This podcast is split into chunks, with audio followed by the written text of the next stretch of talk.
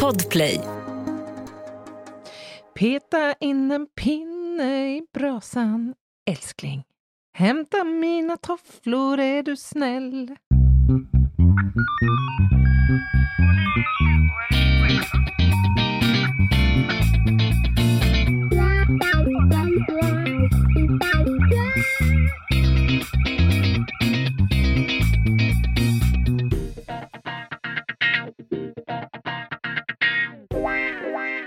Välkomna till krimpoddarnas krimpodd Över min döda kropp med mig, Lena Ljungdahl och Anna Jinghede.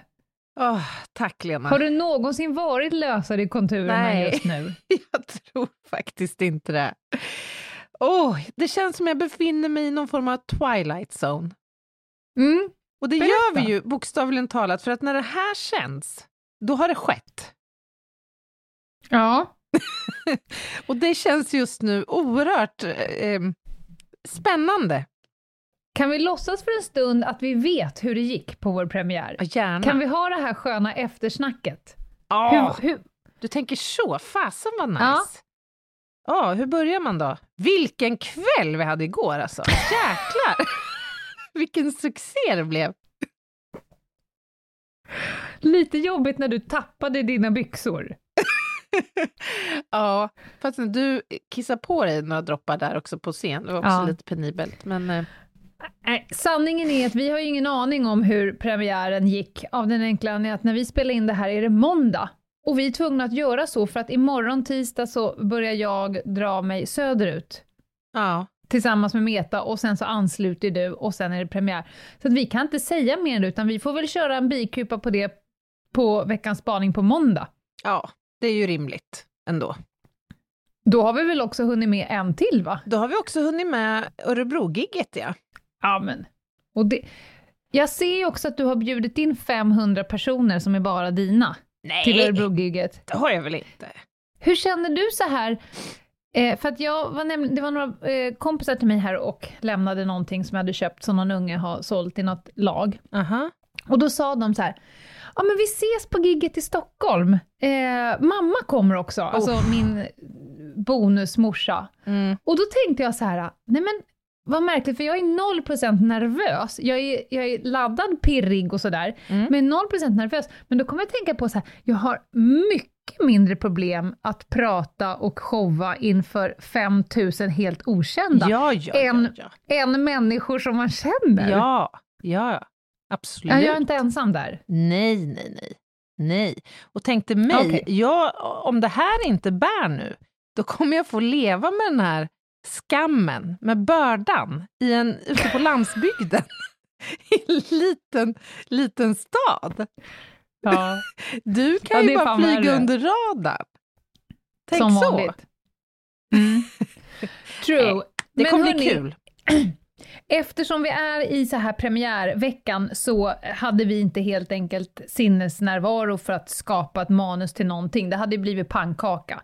Så att vi Ja. frågade er, kära lyssnare och följare, om ni kunde bara kasta på oss lite frågor som vi kan veva runt i. Och det var exakt det som hände. Mm. Och vi fick om vi säger att vi har sammanlagt 100% frågor, så var 98% av dem handlar om död och könskorrigering.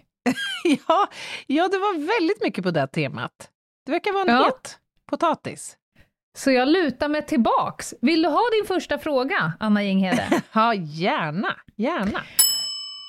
Det är ju då funderingar kring könsbekräftande vård och identifiering. Mm. Mm. Det är som att du själv har formulerat frågan. Om man till exempel hittar ett bäckenben och ser att det är av det bredare slaget, tänker man då uteslutande kvinna eller är man öppen för att bäckenet kan ha tillhört en person av manligt juridiskt kön? Eller om en kropp med bröstimplantat anträffas så kan det ju vara en juridisk man och påverkar hormonbehandling skelettets beskaffenhet om den sätts in postpubertalt. Just det. Är det du själv som har skrivit frågan? För ni har ungefär samma nomenklatur. Nej, men vad lustigt. Jag tänkte också på den när jag läste frågan faktiskt. Undrar om det är så att man anstränger sig lite, lite extra när man skriver frågor som är riktade till mig.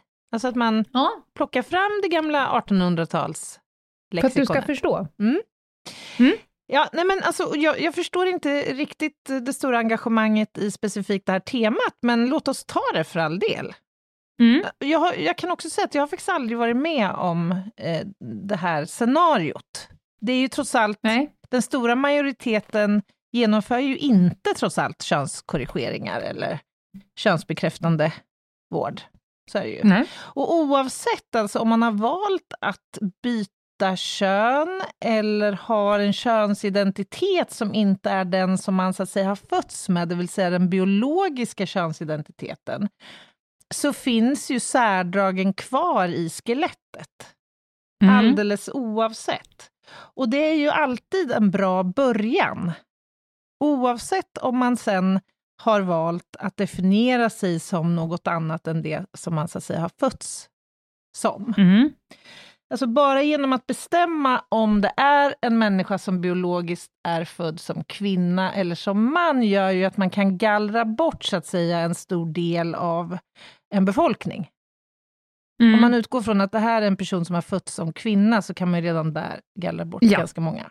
Men då, och skulle det visa sig att den som man nu då undersöker skulle ha bytt kön, så skulle det sannolikt också framgå i de uppgifterna eh, som man inhämtar från personen som anmäler någon saknad eller försvunnen, eftersom man ställer en mängd olika frågor Just. om den här personens signalement, genomförda eh, kirurgiska ingrepp och egentligen uttömmer så mycket som möjligt som kan leda liksom, Och det gör man ju utredningen framåt. alltid.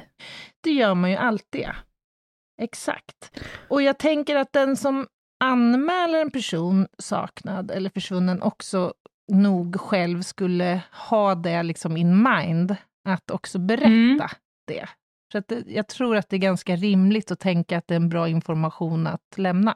Och det här med att om ni skulle hitta ett bäckenben av det bredare slaget, tänker man utesluta en kvinna, då, då ska jag säga så här att eh, om man någon gång har haft att göra med Anna Jinghede, så vet man att hon är helt inkapabel till att tänka en uteslutande tanke. ja, ja. Alltså du skulle kunna hålla en röd och en blå penna framför Anna och säga så här, är det två olika färger? Alltså, man kan inte helt utesluta. Det är hennes första svar på allting, så att hon skulle aldrig vara, tänka uteslutande kvinna, oavsett vad hon hittar. Nej, men, och det ligger väl lite liksom i den polisiära utredargenen också, gör det Ja. inte det? Att inte liksom utesluta egentligen någonting innan man är säker. Och jag menar, skulle en kropp anträffas en kortare tid efter att döden har inträtt, då skulle ju all, många av de här frågorna ge sig naturligt. Skulle det sitta Mm. bröstimplantat på en person som har ett manligt kön till exempel, så skulle man ju kunna kanske dra någon slags försiktig slutsats om att det här är en person som Ja. har gjort eller har inlett Ja. en könskorrigering eller definierar sig som kvinna. Helt enkelt. Men det här med könskorrigering, jag satt själv idag och lyssnade på ett intressant program om, inom sporten nu då, eh, Ja. Eh, då är det ju många som hojtat om att man ska liksom bevara kvinnosporten, att det är ju då Mhm. personer som har genomgått en manlig pubertet och sen eh, blivit sitt rätta jag, det vill säga en kvinna, och sen tävlar eh, som kvinna och Mm. eh, sopa banan med alla. Mm. Eh, trots att man då har inte haft eh, testosteron på länge. Men, men eh, det jag skulle säga är att så här, det, är, det är så nytt forskningsmässigt, det är, Mm. det är ett nytt, tämligen nytt fenomen. Mm. Eh, och man kan ju till, eh, inte tillräckligt mycket, men då, nu har man ju då börjat kunna se, för jag lyssnar på en väldigt spännande forskare här, att det spelar ingen roll hur länge du har liksom inte eh, haft en då naturlig testosteronproduktion längre, utan för att du tillsätter östrogen. Har du genomgått en manlig pubertet så kommer Mm. du ha fördelar Ja. kanske livslångt. Så att det är ju väldigt spä- det här är ett spännande område, Mm. kan jag tycka. Och vi vet för lite. Och jag vill bara vara tydliga med att för oss får man identifiera sig som vart Ja. tusan som helst. Eh, men men eh, det är ett spännande för er som håller på med identifiering så är det ju någonting att ha i beaktande såklart. Ja men absolut. Och eh, forskningsfältet tangerar ju och involverar ju också väldigt många etiska och moraliska Ja, så att säga, frågeställningar, så det här är inte helt okomplicerat. Men du, det fanns ju också någon fråga där om hormonbehandling. Mm. Eh, om det påverkar skelettets beskaffenhet om den sätts in postpubertalt. Och Mm. det här är definitivt inte right up my alley, om man säger så.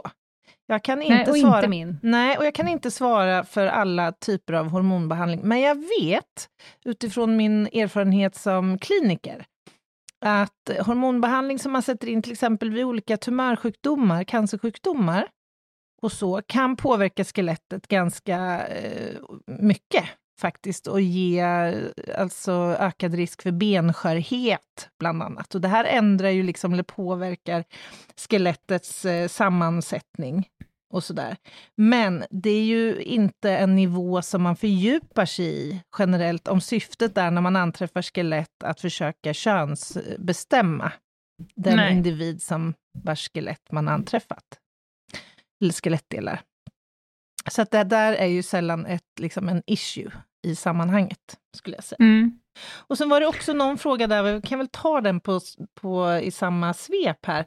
Vad händer ifall en person genomgår ett könsbyte med operation och medikamenter? Påverkar det uppsättningen av X och Y-kromosomer?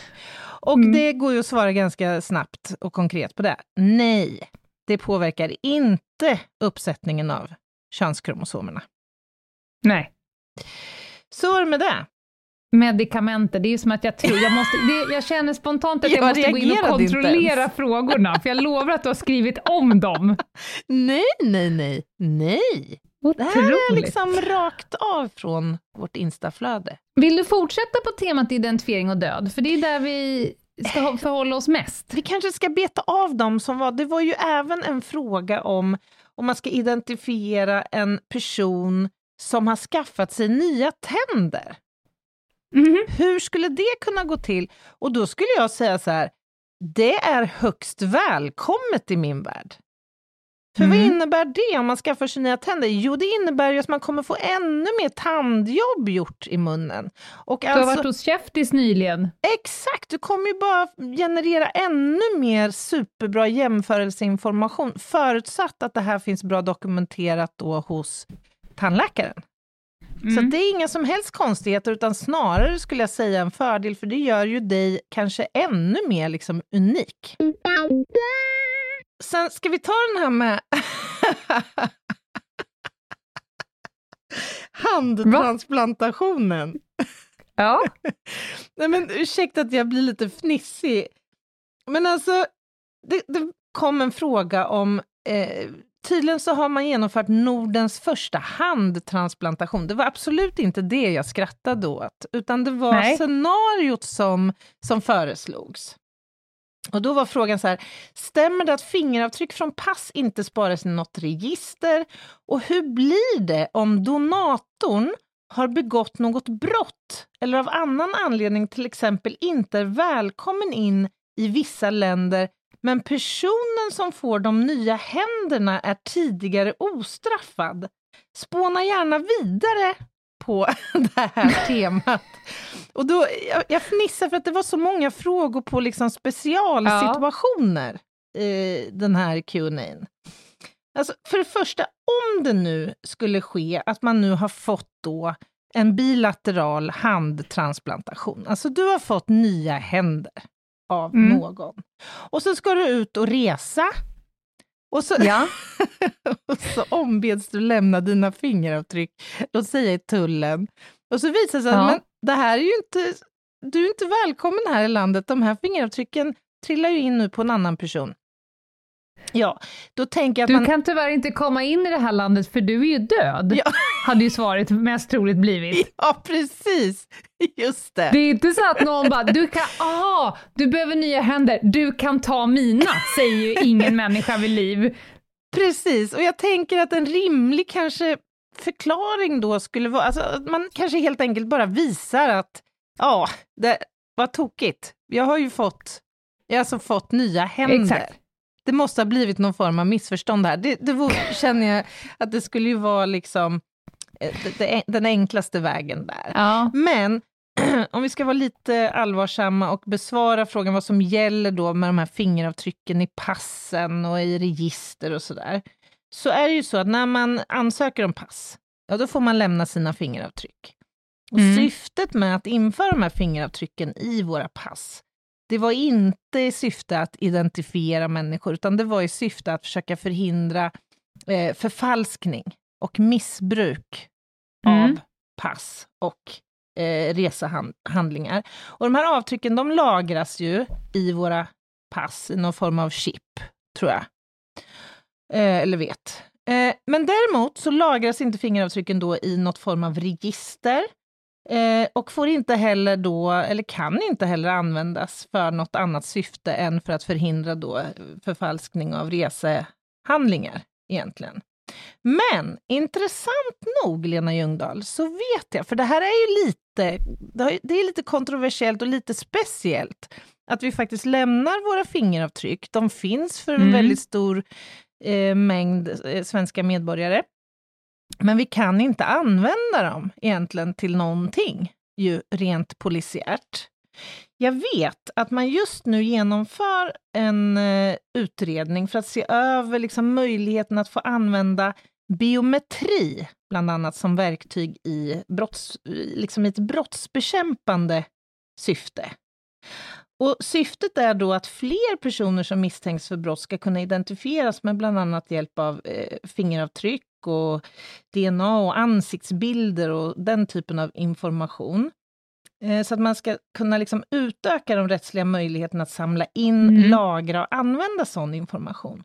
Och där vet jag, i den här utredningen så ingår att man ska ta ställning till eller utreda då eh, bland annat den här möjligheten att kunna använda fingeravtrycken som har inhämtats eh, i, liksom den här, i det här syftet för det brottsutredande uppdraget. Så att man kan få söka i till exempel då pass, passregistret. Med tanke på tekniken och, jag menar, för x antal år sedan, då öppnade inte vi våra telefoner med att bara hålla fram ansiktet och vi öppnade inte våra datorer med att svepa med, alltså tekniken går så jävla mycket fram, så att Mm. Vi lagras ju överallt hela tiden. Mm. Min telefon lyssnar på mig, alltså det är fingrar och det är ögon och det är Mm. allt möjligt. Så om man tänker sig att man ska välja en brottslig bana framöver, så tror jag att det hela tiden kommer utvidgas möjligheten. Eh, alltså du sätter ju av spår på ett helt annat sätt Mm. än för länge sedan. Så att det här gamla uttrycket “Don't do the crime if you won't do the Do time”, the time, Det, kanske, mm. Ja, det kanske man ska anamma. Jag Mm. menar, det är nästan omöjligt att leva ett liv utan att du fastnar på kameror. Mm. Alltså, du kan inte skaffa ett pass utan fingeravtryck. Det är hela tiden Mm. olika saker som, som lagras från dig och det ska man ju vara medveten om. Och det har man ju, de allra flesta av oss har inga som helst problem med det, Nej. eftersom man inte lever ett kriminellt liv. Men kan du förstå de etiska invändningarna Absolut. där? Alltså det är ja, inte helt absolut. okomplicerat. Alltså. Nej, nej. Och varje sån här beslut och befogenhet som ges ska ju föregås av en rigorös utredning där man ska vikta människors frihet och integritet Mm. gentemot det brottsbekämpande Uppdraget, ja. ja. Såklart. Jag håller helt med dig. Men du, ska vi Ja. byta tema för ett ögonblick? Kan vi prata lite om Ja. pormaskar? Nej, men jag skrattade så när det var så här, det var död och identifiering av fingeravtryck och så kom en liten fråga till Lena, på det Lena är bra på. Hennes tips för att bli av med pormaskar, då började jag skratta. Tänkte jag så här, är jag så tunn? Och så började jag skratta ännu mer av den enkla att jag har ingen jävla aning, för att jag har aldrig haft någon. Jag, det är väl generellt för dem med fet hy, kanske. Jag, Mm. är en torr, jag är en torris. Du är en torris. Så jag har inget svar. Det jag vet är niacinamid, det är den heliga graalen av... Cyanid, Eh. sa du det? Ja, exakt. Ta lite cyanid så ska du se att du inte kanske eh, bekymras så mycket över dina pormaskar längre. Niacinamid, det är vitamin B3. Jag förstår. Ja, jag vet inte. Du får gå till nätet. Jag har ingen aning om pormaskar. Nähä. Så att vi kan återgå till döden nu. Nej, jag tänk, då får du en knarkfråga då. Aha. Urinprov på en person som äter medicin mot eh, ADHD. Mm. Ger det för det första utslag för amfetamin? Ja. Mm. Ja, inte, ja, metylfenidat. Eh, om vi till exempel tar Ritalin, Mm. som är en sånt amfetaminliknande preparat kan man väl säga. Så ja, det kan absolut ge utslag på, på det. Och vad händer då? Ja, så det händer ju samma sak som om du har fått eh, förskrivet av din läkare sömnmedel eller ångestdämpande eller någon annat narkotikaklassat preparat. Mm. Det blir positivt.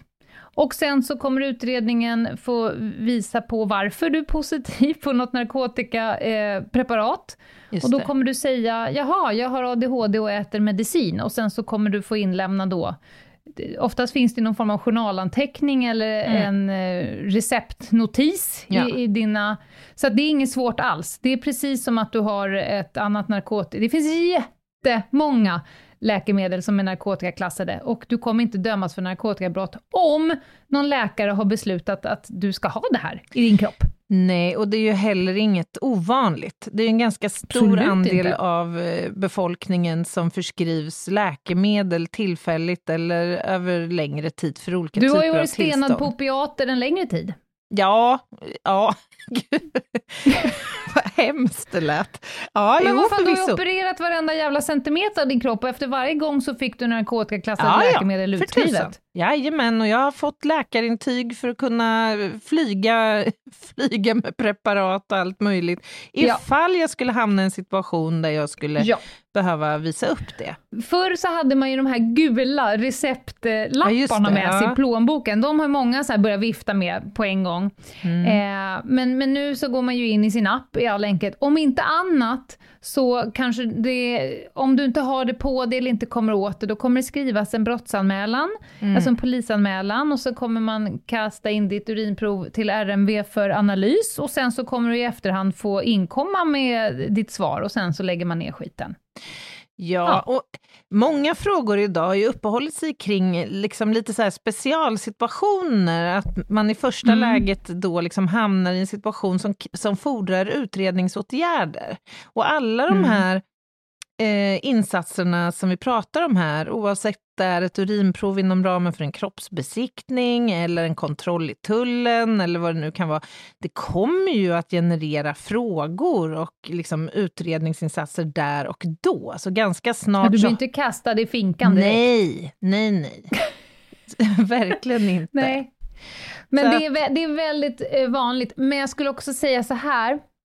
Det är också väldigt vanligt att människor är positiva på metylfenidat Mm. och hävdar att de har ADHD, fast de har köpt eh, grejerna på, på gatan. Ja, just det, de har inte recept på det då. Nej, ja, men jag har recept på det här. Då säger man bara, men toppen! Då så ligger den här polisanmälan och skvalpar, så får du inkomma med det. Och så Mm. händer det inte alltid att de gör det, eftersom de har köpt tabletterna på, på gatan. Så samma tabletter som du hämtar ut på apoteket säljs ju också på gatan svart. Mm.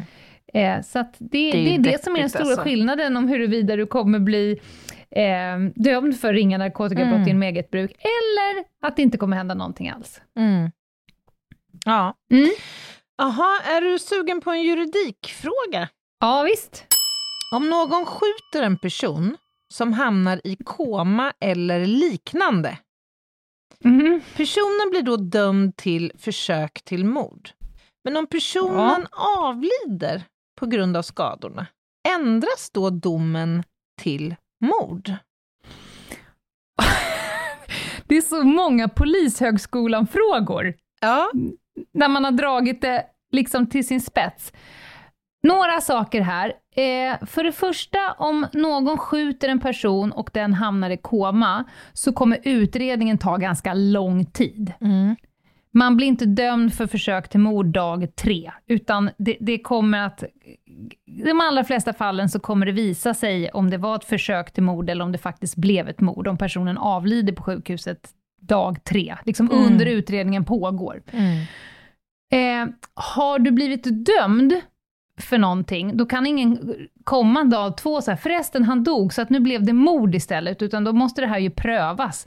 Det kan ju vara så att högre instanser eh, ändrar, om, om det liksom eh, inte har, har kommit till sista instans, Mm. så kan man ju eh, få det prövat i fler instanser. Och då kan ju faktiskt även också gärningsbeskrivningen ändras Jaha, längs ja. den rättsliga vägen. Eh, men har det nått till sista instansen, eh, då kan ingen sen bara ändra din, ditt... Eh, för jag menar, skulle någon ligga i koma, inte vet jag, i tre år och sen Mm. helt plötsligt dö, då, då ändras ju inte, då, det är inte så att man kommer riva upp ditt försök till mord Nej, då. Nej. just det. Men i de allra flesta fallen så hinner man se vad som händer med den här personen. För jag menar, en mordutredning eller försök till mord, det är en ganska eh, lång utredning. Ja, och tyvärr så är det ju inte alldeles ovanligt att eh, brottsrubriceringen initialt är mordförsök. Och Mm. sen, som du var inne på, dag sju så visar det sig att eh, den Mm. här, det här brottsoffret tyvärr inte överlever det här våldet. Och då ändrar man det. Och då ändrar man det. Precis. Sen var det en fråga här på juridik. Någon som hade skrivit att jag förstår begreppet olaga frihetsberövande eftersom det finns frihetsberövanden som är lagliga. Jag förstår också olaga intrång eftersom det finns intrång som är lagliga. Det enda jag tänkte på var samtyckeslagen, men jag lämnar det bara därhän. eh, och. men, skrev den här personen, jag förstår inte olaga hot, för det finns väl aldrig hot som är lagliga. Och då skulle jag vilja säga att du som har skrivit det här är ju uppenbarligen inte förälder. Nej, hur tänker du då? Ja, jag hotar ju mitt barn kanske varje dag Ja, med olika så, typer ja. av saker. Mm, mm. Så det finns jätte... De allra flesta hoten är inte olagliga. Om inte du gör det här, då gör jag det här. Nu är det dags att borsta tänderna, annars så blir Alltså du kan ju hota någon Mm. eh, hur mycket som helst. Ett olaga hot, det betyder att du hotar med en gärning som står uppskriven i brottsbalken. Det vill säga, om inte du gör det här, då kommer jag att... Och om den meningen avslutas med en gärning som är olaglig i Sverige, då är det ett olaga hot. Mm. Som jag säger till dig, Anna, om inte du skyndar på nu, då tänker jag ta livet av mig. Om vi ska dra det hela vägen dit. Mm. Mm. Då får man titta på, är det olagligt att ta livet av sig? Nej. Har jag hotat dig? Ja. Var det olaga hot? Nej. Mm. Klassikerföräldrar, om inte min barn får eh, A i matte, då tänker jag gå till media. Är det olagligt att gå till media? Nej. Mm. Var det ett olaga hot? Nej. Nej, Var det ett hot? Ja. Ja, och där är vi ju tillbaka på någonting som vi har pratat om hundra gånger tidigare i podden. Alltså rekvisiten för respektive brott. Som måste Ja. vara uppfyllda för att det ska eh, vara Ja. brott, det aktuella brottet.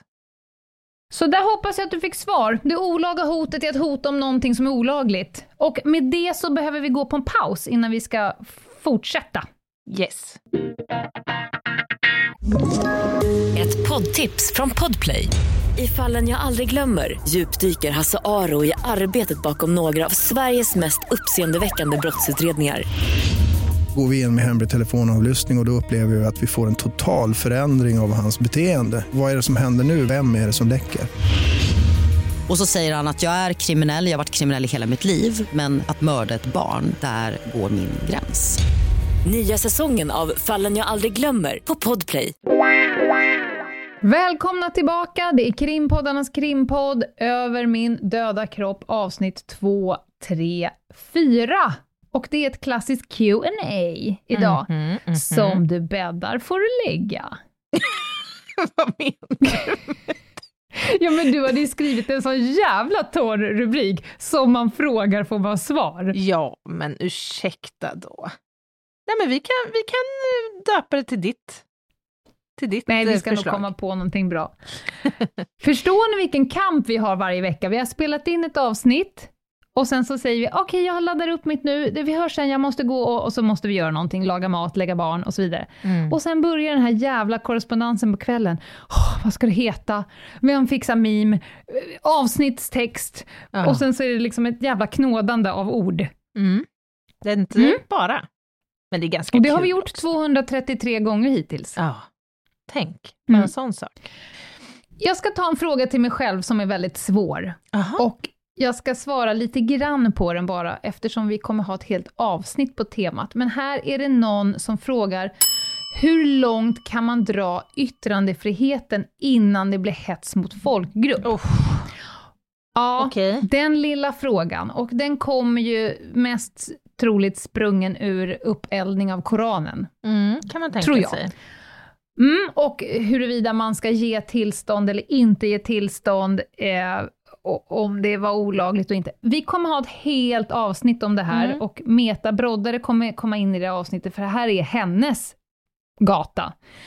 Men jag ska bara säga några små saker. Att man viktar hela tiden rättigheter mot friheter, alltså yttrandefriheten, Mm. eh, och folks rättigheter till frid och integritet och, och lugn och allt vad det nu är. Jag kikade lite som snabbast på justitierådet i Högsta förvaltningsdomstolen, tror jag det var. Alltså varför blev inte bränningen av Koranen ett hets mot folkgrupp? Mm. Mm. Och då sa ju han, precis som alla jurister, alltså det är en bedömningssport, det Mm. hade kunnat bli det, men det räckte inte till. Då menar man ju på att, att bränna en bok, Mm. bara den gärningen, det är ju mer ett uttryck för en kritik. Det är ganska vanligt, säger han, att om man ska uppvisa liksom tydlig kritik mot ett land, att Mm. bränna upp flaggor, Mm. att Mm. bränna böcker, bränna viktiga dokument, signifikanta saker, det är eh, inte automatiskt ett hets mot folkgrupp. Men om dansken också hade haft kanske eh, en armbindel med ett visst budskap, lite Mm, plakat, någonting mer, då hade det kunnat räcka upp till hets mot folkgrupp, men inte själva uppeldningen av eh, en bok. Just det.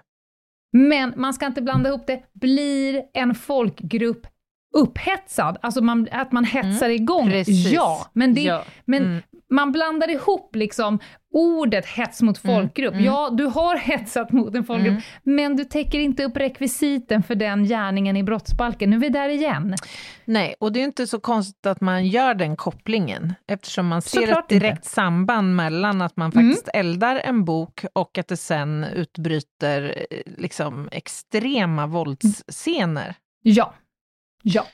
Men som sagt, vi får följa upp det här i ett eget avsnitt. Låt oss återkomma. Vi ska prata om både eh, demonstrationer, eh, tillstånd, polistaktik vid demonstrationer, eh, hårt mot hårt eller backa undan, eh, och yttrandefrihet, hets mot folkgrupp, olika typer av hatbrott. Låt oss ta ett ordentligt grepp kring det eh, i ett avsnitt framöver. Mm. Låter Mm. jättebra. Ska vi ta en eh, kriminalteknikfråga? Tackar, tackar! Är det? Vart, vart ska vi någonstans? Vi har fått eh, en fråga om eh, DNA-registret, har frågeställaren formulerat det som. Men det finns ju faktiskt flera register. Mm. Eh, Och, och det fanns med några följdfrågor. När sparas en persons DNA och hur länge? Och kollas alla inlämnade DNA-uppgifter mot alla tidigare funna DNA-spår? Sker det regelbundet omkontroller på gammalt DNA nu när tekniken bara blir bättre? Och så vidare. Och det här har vi också varit inne på i tidigare avsnitt, men vi kan väl ta en liten kort recap. Alltså DNA kan ju registreras i lite olika situationer och under lite olika förutsättningar. Vi har ju dels ett så kallat utredningsregister. Och det innehåller då DNA, eh, DNA-profiler som har provtagits enligt rättegångsbalken och som alltså är skäligen misstänkta för brott varpå fängelse kan följas. Och en persons DNA-profil som finns läggs in i utredningsregistret kommer att gallras när uppgifterna förs över till DNA-registret eller när inga misstankar finns kvar i misstankeregistret. Mm. Ska vi kort dra de olika misstankeregistret, belastningsregistret? Har vi pratat Kan om misstankeregistret? Ja, ingen aning. Vi, har haft så jävla många avsnitt nu, så vi får fråga Rainman, Charlotte sen. Eh, misstankeregistret, där finns det notis så länge man är misstänkt. Alltså man har förts upp som misstänkt i en polisanmälan. Och det är ju mycket till hjälp för polisen om man håller på att utreda brott och personen är misstänkt. Eh, och sen så gör man liksom personslagningar. Och sen är, kan det då vara av intresse om den här personen är misstänkt för en allsköns massa brott samtidigt. Då kanske de ska samordnas till och med. Mm. Eh, när sen det här eh, brottet är utrett, klart, åtal och dom och du skulle bli dömd, då kommer det då gå över till belastningsregistret. Just alltså det. du är belastad nu med här, den här brottsgärningen och då kommer det stå där vad du är dömd för, eh, vilket straff, vilken påföljd Mm. du fick och om du ska in och avtjäna eller vad det nu kan tänkas vara. Exakt.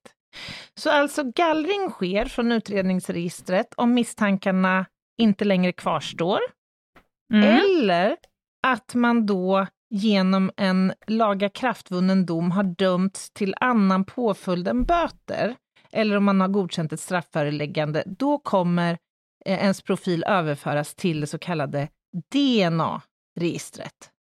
Mm. Och eh, profilen kommer att gallras från DNA-registret om personen inte längre har några belastningar kvar i belastningsregistret. Mm. Det är lite komplicerat det här. Ja, fast jag tyckte att du gjorde det tydligt. Tycker du det? Men det kanske... Ja, men det kanske...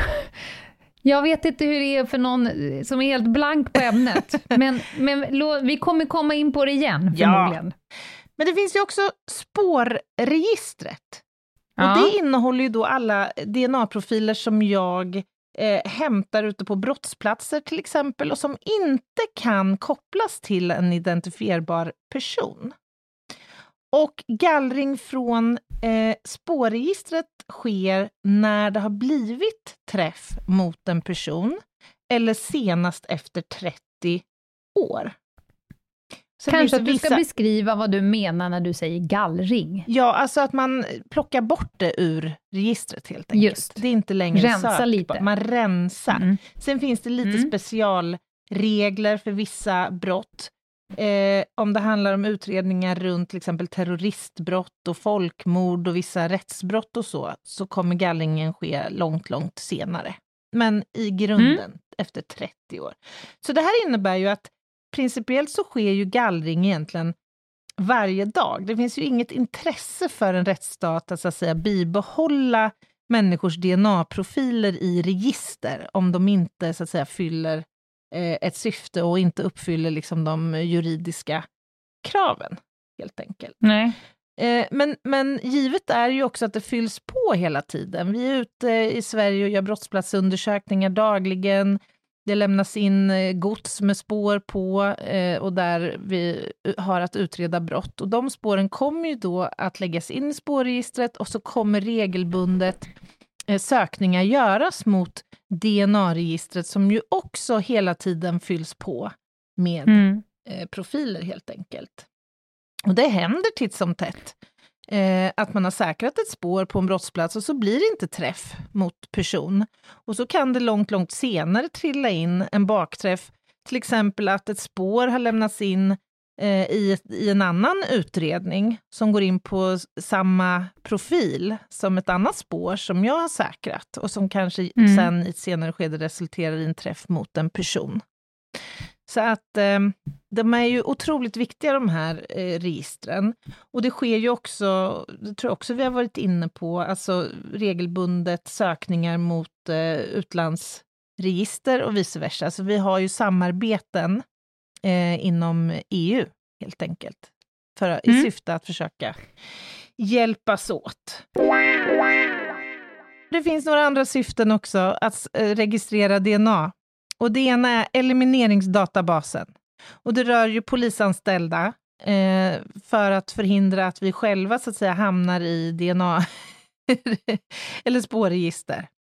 Eh, så att, jag menar, vi som är på brottsplatser och som säkrar spår dagligen måste ju jobba extremt noggrant med liksom att skydda platsen och skydda spår. Men det händer ju trots allt att vi också kontaminerar spår. Så att eh, vi finns med i registret för att försäkra oss om att vi inte själva trillar in på ett spår som läggs in i spårregistret. Och sen har man också möjlighet att inhämta DNA i syfte att identifiera döda personer. Så var det med DNA-biten. Mm. Man skulle vilja kolla hur många gånger du sa register de senaste sex Ja. minuterna. Det var, det var ett gäng gånger. Jag tror att du kan sätta, ha satt en sån här uh, Guinness-rekord. Ja, men det var ju en massa register jag pratade om. Det var jätte, jättemånga register att nämna. Och det gjorde du förtjänstfullt. Ja, Men nu ska du få en betydligt roligare fråga. Aha. Eh, media. Det här är någon som har reagerat att i media säger man avliden person. Mänskliga kvarlevor. Vi har funnit en kropp. Det har funnits kroppsdelar. Det enda uttrycket hon inte har hört är skeletterat material och där tycker hon att det finns förbättringsmaterial, eller potential. Mm. Men lik avliden person och så vidare, mänskliga kvarlevor. Hur, och sen tror jag, för att eh, här står inte själva slutfrågan, men slutfrågan var ju så här, finns det någon policy för hur poliser ska, ska uttrycka sig kring, till, kring döda människor? Mm. Ja, nej. nej. Men alltså det finns ju inga regler egentligen. Jag menar, anträffas en människokropp avliden så, så pratar man ju vanligen om en avliden kropp, en avliden människa eller ett lik eller möjligen mänskliga kvarlevor. Men och det som frågeställaren hade reagerat på tror jag, det var ju att jag har eh, använt begreppet skeletterat material som ju är ett ganska, får man väl ändå säga, kliniskt begrepp. Och det handlar ju om situationer när man helt enkelt har anträffat skelettdelar eller ben och man kanske inte överhuvudtaget kan säga om det här härrör från en människa eller ett djur. Och då är det ju ganska praktiskt att använda sig av det begreppet. Men man skulle ju kunna säga delar av ett skelett, eller oidentifierade ben, eller kvarlevor av okänt ursprung, till exempel. Eh, Hon tycker med att det är roligt. Det enda jag möjligen inte har hört dem säga är skeletterat material. Där har de onekligen ett utvecklingsområde. Så hon tycker ju att det där begreppet var ett fantastiskt begrepp och att de borde använda det istället. Men Ja. frågan kvarstår ju om det finns liksom tvingande, så här ska man eh, förhålla sig liksom, eh, vokabulärmässigt. Då säger jag bara rakt upp och ner, nej, det finns inte. Och du, frågar du tio poliser så kommer de säga tio olika saker om en död kropp. Ja, men så är det verkligen. Och jag tror det där Ja. är lite individuellt beskaffat. Jag personligen har till exempel svårt att använda ordet lik av någon anledning. Ja. Jag tycker att det känns bara konstigt. Vi kom in i lägenheten och där låg ett lik. Mm. Och jag tycker också det är konstigt att prata om en död kropp. För för mig är det en Mm. avliden människa. Alltså förstår Ja. du, alltså, man, man förhåller sig nog lite olika till liksom, begreppsfloran, men det finns inga regler egentligen. Nej. Förlåt, jag kan inte hålla ihop det längre. Du är så jävla torr nu! Jag var tvungen att garva ur mig, för det var så här. Ja, nej men alla poliser säger olika. Ja, alltså jag tror mer att det kan vara individuellt beskaffat. Man bara, ungefär som att säga, det, vi, vi säger olika. Ja, ja men verkligen. Det jag menar är att man liksom hänger upp det ju på olika synsätt på döden. Anna Jinghede, folk fattar fullt vad du menar. Du är väldigt tydlig. Men jag var tvungen att skratta ur lite, Ja, för, att, det- för att jag var tvungen. Ja, vad bra. Skönt. Du, eh, vi har fått en fråga också rörande lite så här praktiskt polisarbete. Scenario. Ensam uniformerad fotpatrullerande också polis. Det ser man inte ofta Oj. du. Äh, nej, vad har du gjort av din kompis i min första tanke? Ja. Ja. Nåväl, eh, denna fotpatrullerande polisen upptäcker ett drunkningstillbud. Och då är frågan, gör polisen en citat jävligt snabb riskbedömning och lämnar koppel med vidhängda attiraljer till någon som ser pålitlig ut? Eller badar konstapeln med radio, pistol, övrigt? Frågetecken. För övrigt, vidhängd attiralj. Ja, älskar språkbruket. Ja. Eh, Okej, någon håller på att drunkna. Jag har tappat bort min kollega. Jag ska ut och simma. Nu kommer frågan om jag slänger av mig alla mina tekniska grejer och saker som är tunga och kan få mig sjunka till havets botten. Eller om jag eh, dumpar skiten eller tar med mig dem. Mm. Jag skulle säga så här att det beror nog på. Mm. I värsta fall, om man dumpar alltihopa, så kanske de allra flesta poliserna skulle rycka ut vapnet och stoppa in det innanför bhn Mm. eller trosan, för att det känns oskönt att läm- det på stranden. Eller så tittar man på någon jävel som ser eh, så. Man kanske, kanske att man snabbt delar vapnet. Man trycker ut manket och tar med sig det och, och lämnar eh, de andra metalldelarna till så. Men Frågan är om man skulle ens hålla på och börja ta av sig massa grejer, eller så springer man bara rakt ut. Det är ett sånt osannolikt scenario Ja, också. det därför här är man- polishögskole... Det här är, det- jag tror att de allra flesta som har skrivit frågor idag går på polishögskolan Mm, termin kanske. ett. Då får man såna här super... Mm, mm. Ja, okej, men nu kommer jag till den här lägenheten. Vad gör du om det garderoben står på glänt och det står två aliens i garderoben? Vad gör du då? ja. Nej, jag tror också så här att poliser, liksom alla andra människor, kommer ju också agera eh, under stress. Och eh, Mm. ganska intuitivt och snabbt. Ja. Så att det, det är nog som du faktiskt var inne på, det är nog beroende på liksom, Ja. omständigheterna. Men i grunden så jobbar man ju inte ensam. Det är ju liksom på något sätt regel nummer ett. Man har ju en kollega med sig. Och sen finns det en följdfråga här. Om det står någon där som du litar på, tar du samma beslut som ovan? Nej, då kanske jag kastar av mig. Jag har ju själv kastat av mig vapnet många gånger på span, när jag ska Mhm. in i grejer, när man absolut inte kan man ha med sig vapen. Och då ger man det till någon som kan ta hand om det så länge. Lag efter läge, Ja. på ett säkert sätt. Sen kom en fråga här om vad som händer med alla vapen som plockas Mm. av folk.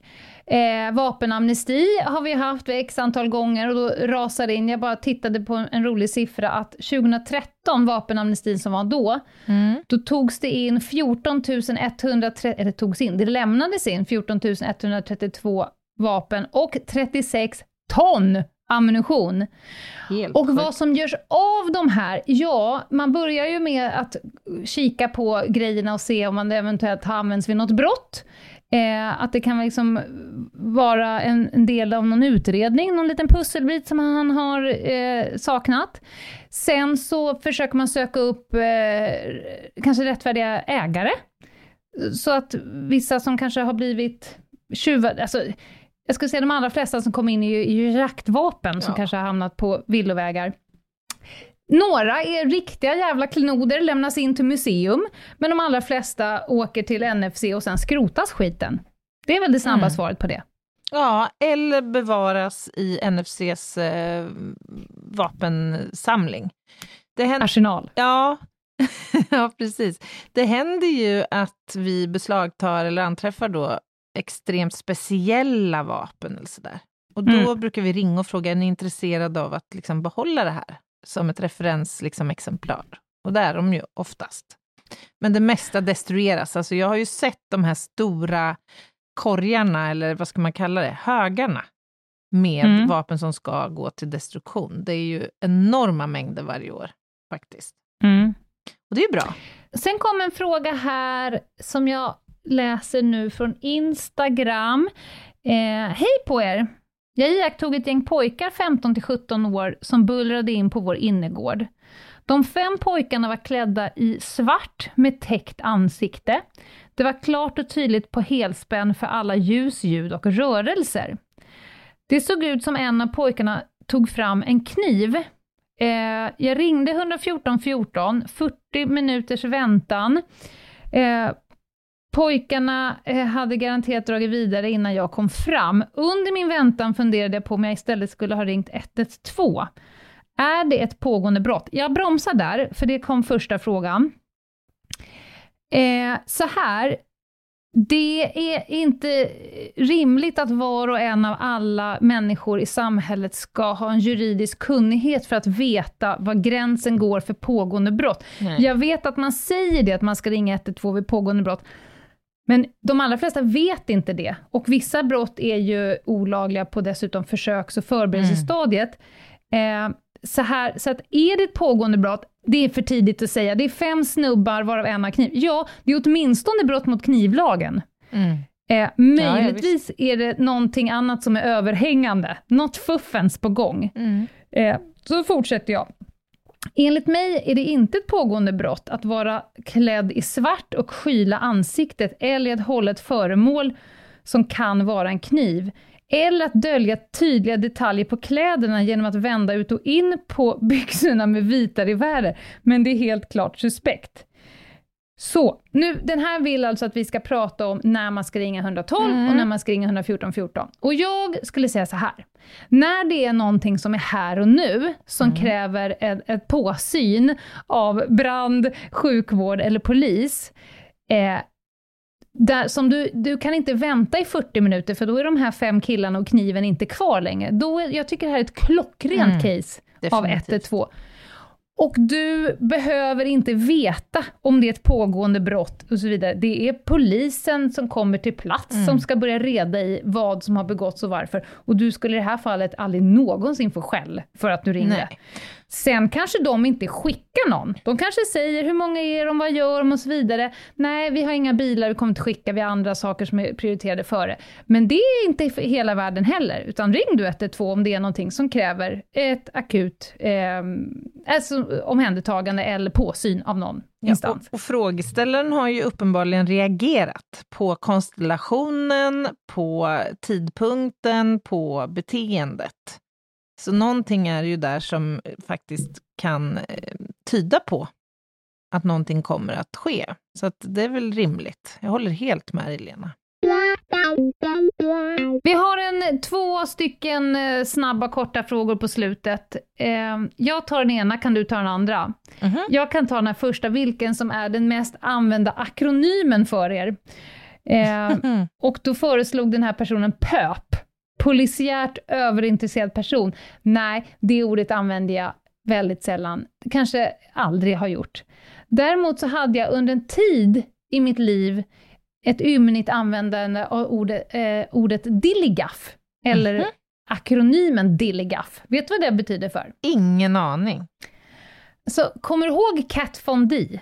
Ja, tatueraren. Ja, hon var ju lite på tapeten ett tag. Hon hade Dilligaff tatuerat på ena handen. Det, det betyder Do I look like I give a fuck?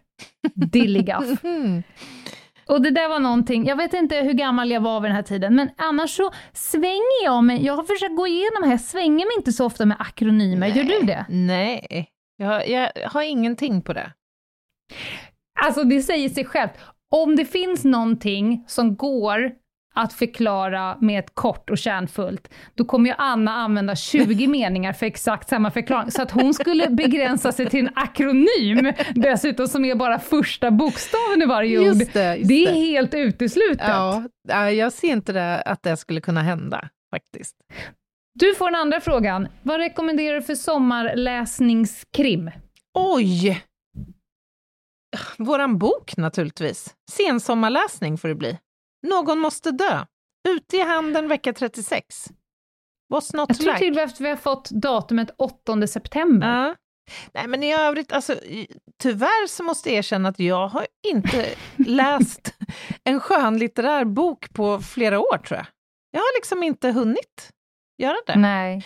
Jag har ju, alltså, det finns ju ett rättsfall, det har jag nog pratat om i någon annan podd, som jag tycker är väldigt intressant.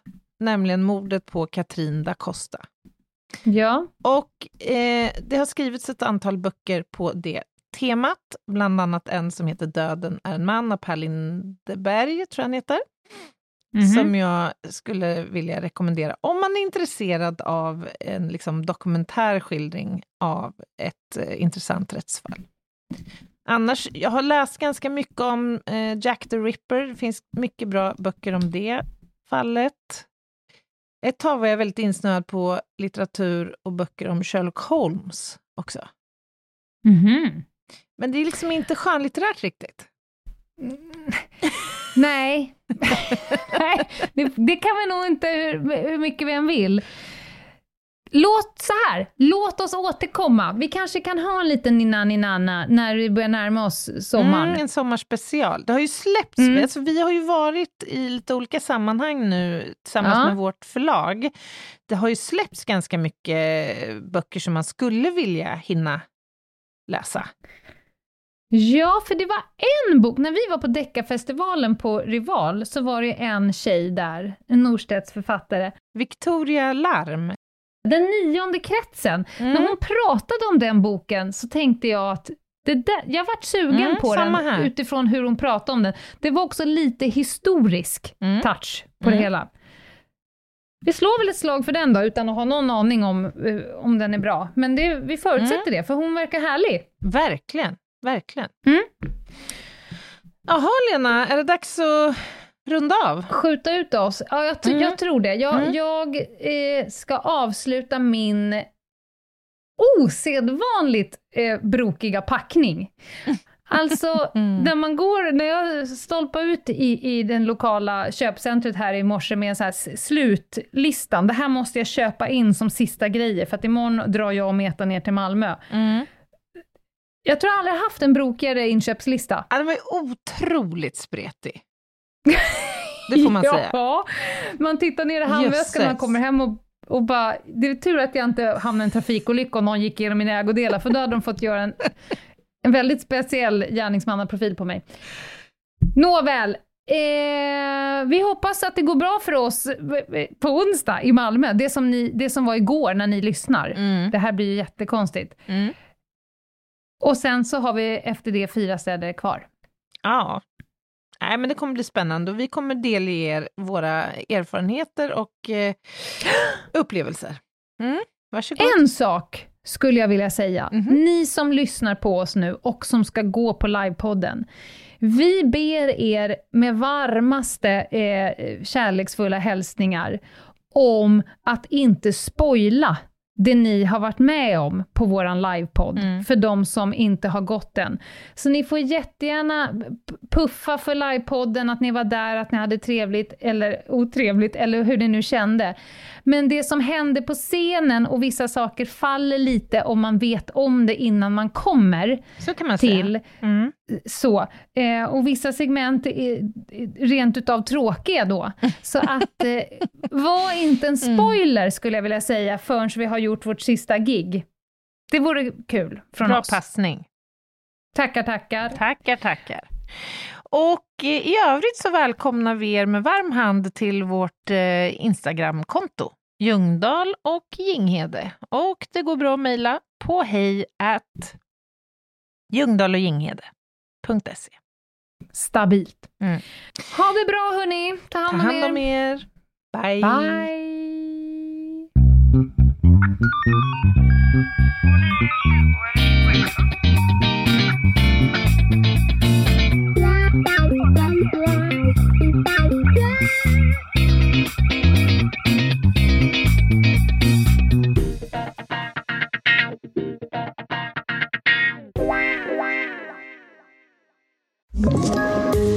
Poddtips från Podplay. I fallen jag aldrig glömmer djupdyker Hasse Aro i arbetet bakom några av Sveriges mest uppseendeväckande brottsutredningar. Går vi in med hemlig telefonavlyssning och, och då upplever vi att vi får en total förändring av hans beteende. Vad är det som händer nu? Vem är det som läcker? Och så säger han att jag är kriminell, jag har varit kriminell i hela mitt liv men att mörda ett barn, där går min gräns. Nya säsongen av Fallen jag aldrig glömmer på Podplay.